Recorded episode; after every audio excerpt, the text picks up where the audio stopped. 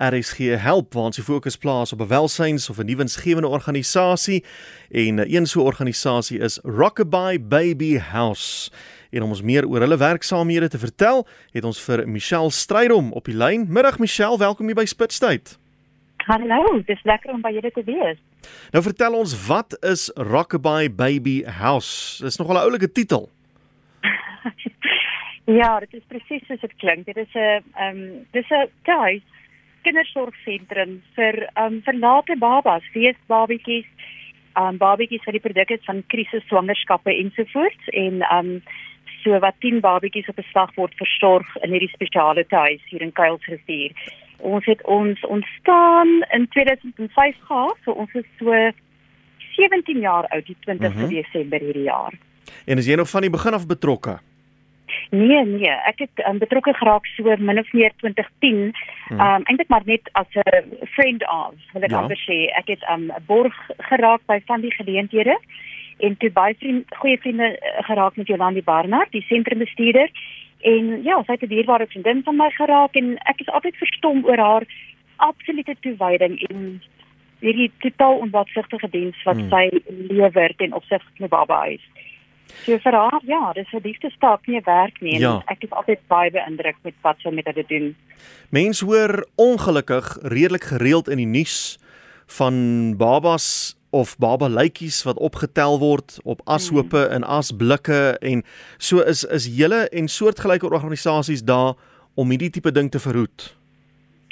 Ja, wanneer 'n babatjie ehm um, die produk is van 'n ongewenste swangerskap of beteken net moeilike omstandighede. Dan is die baba huis daar om te help sorg maar natuurlik dit is hier 'n proses. Dan moet 'n hofbevel wees mm -hmm. maatskaplike werkers raak betrokke. So dit is nie 'n kwessie van iemand bel ons of los 'n babatjie op ons voorstoep nie. Dit daar is 'n hele proses betrokke.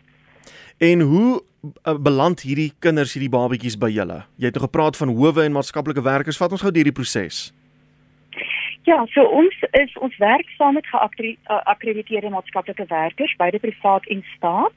En dan sake word dan verwys na hierdie maatskaplike werkers deur die sentrale opname afdeling van die departement van sosiale ontwikkeling. En dan word die babas um, deur die hof in Rockabye se sorg geplaas. So dit is baie keer 'n proses, dit gaan baie keer wild. Mhm. Ehm um, Jolandi moes al in die middel van die nag ry om 'n paar uur baba 'n paar uur oue babatjie te gaan oplaai maar ehm um, ja, altyd 'n 'n proses wat ja. betrokke is. Jy het vroeër gesê jy kan is 'n 10 babatjies akkommodeer op 'n slag. Dis korrek, ja. En is jy tevrede met die grootte van julle organisasie of sou jy graag wil uitbrei naderhand? Uh om dit babatjies te hanteer op 'n slag um, wil nogal gedoen wees. Ons mm. het nege voltydse personeel en dan het jy baie vrywilligers wat help. Ek praat van versorgers. Ek praat nou nie van mense wat skoonmaak en so aan nie. Ja. Um maar ons is baie afhanklik van donasies natuurlik. So dit is meer, maar 'n grootendeels gemeenskapsprojek. Mm. So um mense van die gemeenskap raak betrokke en ja, dis maar altyd 'n dis maar altyd 'n ding om om te sorg dat daar genoeg geld is om na die kleintjies um, om te sien. Ek meen ons begroting is is so wat 70 na 80 000 rand per maand. So dit is nogal veel ja. wat ek dink. Ja, so. Om maar dit, om dit maand na maand Ja, om dit ja. maand na maand in die hande te kry. Ja. So daar is ja. sekere uh, wetlike uh, voorskrifte, verpligtinge wat sê jy moet soveel versorgers vir soveel kinders hê. Is daar daar is so iets ja, in plek, ja. nee? Ja. O ja, ja, nee, dit is 'n uh, geakkrediteerde ehm um, sentrum so daar's baie reëls. Mhm. Ehm mm um, en die wetlike aspekte daarvan word hanteer deur ehm um, weet daar is mense wat pertinent daar uh, um, fokus. En die ouderdomsgroep waarop jy fokus, hoe oud is te oud vir die kinders om daar te wees? Dit is regtig te oud nie, maar ons gaan tot en met so 24 maande. Ehm um, so 'n babatjie kan letterlik pas pas gebore wees by prembabietjies ook natuurlik. Mm. En so tot en met 2 jaar is is amper enorm wil ek amper sê. Goed, nou as die babietjie nou deur die stelsel is en beland by julle en julle sorg mooi vir die babietjie en die babietjie is nou 2 jaar oud, wat gebeur dan? So die eerste prys is maar altyd om te kyk of mens baba weer met sy ouers kan herenig. Dit is mense wil dit graag doen. Mm -hmm. So daar is maar prosesse waar ehm um, die uh hulle sê die die gevalwerker of die caseworker sal ondersoek instel om te kyk wat die uh, spesifieke geval behels. So die eerste prys is om te kyk of die ouers dalk in 'n beter posisie is. Daar word ook vir die ouers hulp aangebied en berading ensovoorts aangebied of dan net die biologiese familie. En as dit nie moontlik is nie, dan kyk 'n mens na pleegsorg of dan aanneming. En daai proses word ook um, hanteer deur maatskaplike werkers en dit is alles, jy weet dit dit word alles baie spesifiek hanteer. Maar ek sien ja, sedert 2005 toe julle nou met julle werksaamhede begin het, het julle al hier by die 350 babas gehelp om permanente huise te kry. Ja, 377 om presies. ja. En, ja. en dit is dit is 'n fantastiese werk. Mm. Ek weet dit is ek ek kyk Jolandi is sy se mamma vir al daai babatjies. Hulle kry net die beste. Dit hulle word gestimuleer deur 'n spesiale program um sy is verskriklik bedag op op hulle voeding en hulle stimulasie en dat hulle almal aandag kry en dat hulle mooi netjies aangetrek is en mooi nuwe kleertjies het en weet hulle gaan ook met die kleertjies wat hulle gedra het gaan hulle na hulle nuwe tuiste toe en um daai babatjies hou kontak met Jolandi jy weet sy hulle um kom kuier stuur fotootjies. So dit is 'n baie spesiale huis. Jy bring my nou na my volgende vraag want hoeveel van hierdie kinders het nou al na julle toe teruggekom en gesê hier's ek nou, dis 15 jaar later of 10 jaar later. Hoe lyk dit? Gaan dit goed hierso? Ja, presies. Hoeveel ek sê, maar daar is weet hulle kom kuier gereeld en dit is te duurbaar. Dan praat hulle Duits of hulle praat Holland, maar hulle is te kosbaar en hulle kom kuier en hulle onthou vir Jene. mamma Jolandi, so dit is dit is eintlik baie duurbaar. En as so iets gebeur, dan vergeet mense seker vir 'n oomblik vir al die uh, moeilike omstandighede waaronder jy soms moet werk en maak dit alles ewe skielik seker wie die moeite werd hoorie om so 'n babatjie te versorg vir 2 jaar. Daai babatjie word jou eie kind en ek, het al lank trane gehuil met Jolandi wanneer 'n baba na 'n nuwe huis toe gaan. Dit is hartseer. Weet 'n mens, jy weet wat die proses is, maar jy hmm. raak lief vir daai ou kindjie en hulle kruip in jou hart in. Ja, hulle is as kinders in die huis. Jy weet dit is 'n huis. Wat uh, gebeur met bly op tafeltyd? Wat gebeur met babas wat gesondheidsuitdagings het? Ek ek uh, dink my in moet seker babatjies by julle beland wat HIV positief is wat ehm um, daardie alkoholsindroom miskien onderlede het. Wat gebeur met sulke kinders? Ja, daar is babatjies in spesiale ehm um, versorgings ehm um, situasies in babatjies wat blootgestel is aan HIV en ja, so daai versorging word ehm um, uh, deur Jolandi behartig. Het sy jy kan nou dink 10 babas wat jy in die middel van die nag opstaan en met hospitaal toe mm. ry of kliniek toe ry of inspuitingkies sal kry. So een van die behoeftes wat ons op die oomblik het is 'n groter voertuig omdat sy baie keer 3 of 4 oh. babatjies op 'n slag rondry. Ja. En 'n mens wil natuurlik almal in 'n stoeltjie kan vasmaak. So ja, daar is maar daai tipe behoeftes ook.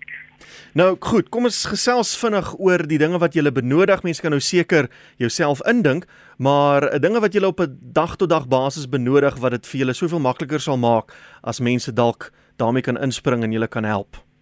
Maar as jy weet van 'n babatjie, dan weet jy hulle dra doeke. So doeke is seker die primaire benodig. Dit is duur. Doeke is so duur dit is doeke is duur, so ons het altyd doeke nodig, ons het altyd uh, formule nodig. Ehm um, maar enige iets wat babatjies nodig het, boutjies salf, wat is, sneesie, chirurgiese alkohol, ehm um, vaste kos vir die mannetjies wat al klaar eet. Uh enige um, kleertjies, enige enige iets wat babatjie nodig het is altyd altyd altyd welkom en dan natuurlik ook enigiets vir die personeel jy weet ons hou daarvan om hmm. vir hulle um weet kosies in die aand te kan neersit sodat hulle daarom iets het om aan te pesel en so aan want hulle natuurlik werk hier in nag ja. en natuurlik elektrisiteit is altyd welkom as iemand vir ons elektrisiteit ek kan die meternommer gee as jy sou wou en natuurlik enige geldelike bydraes daar's altyd iets of 'n dak wat lek of of 'n iets wat reggemaak moet hmm. word of 'n motor of so daar's altyd enige geldelike bydraes is altyd baie baie welkom en ons is baie dankbaar vir. Jy sien dis hoekom ek nou vir jou gevra het dat jy dit moet opnoem want iets soos byvoorbeeld elektrisiteit, ek het nou nie eens daaraan gedink nie. En ja, dit is tog ja. so so belangrik en jy kan dit so maklik deur 'n uh, julle elektrisiteitsnommer te kry en 'n bankoorplasing te doen en ewe skielik is jy weer gehelp. Mense kan op soveel verskillende maniere help. Ja. Jy hoef nie in die Kaap te wees of in Kuilsrivier te wees nie. Daar's soveel maniere om te help. Ag absoluut. Weet ons het is, ons het 'n um, zapper, ehm um, 'n QR code. So iemand kan maklik met vir middel van die zapper net vir ons 'n geldjie inbetaal. Hmm. Die elektrisiteitsmeter kan hulle vir ons vra, ons kan vir hulle die elektrisiteitsmeter aanstuur en dit is maklik om dit om net gou tyd daarop te sit. Ja. Al daai tipe goedjies help. So ja, ehm um, ons het dankbaar vir enige hulp. Nou as iemand julle wil kontak om hierdie besonderhede te kry, het julle 'n nommer of miskien 'n webwerf of 'n Facebookblad of so iets? Ons is op Facebook, sowel as op Instagram, maar ehm um, hulle kan ons kontak op uh, ons e-pos. Ehm um, ek kan dit gou vir jou lees. Mm, Dis ja. info info@rockabye en daai rockabye spel jy R O C K A B Y E mhm. .org.za of jy kan my kontak by 076 156 7577 of hulle kan vir Jolandi kontak. Ehm um, ek is bietjie sweep maar nommer uit. Nee, dis baie besig. Mense kan dit verstaan. Maar hulle kan my enige tyd hmm. kontak. Hmm. Ja. Ehm um, Goed, ek sal al hierdie kontakbesonderhede herhaal en intussen sê ons vir jou baie baie dankie vir die saamgesels Michelle.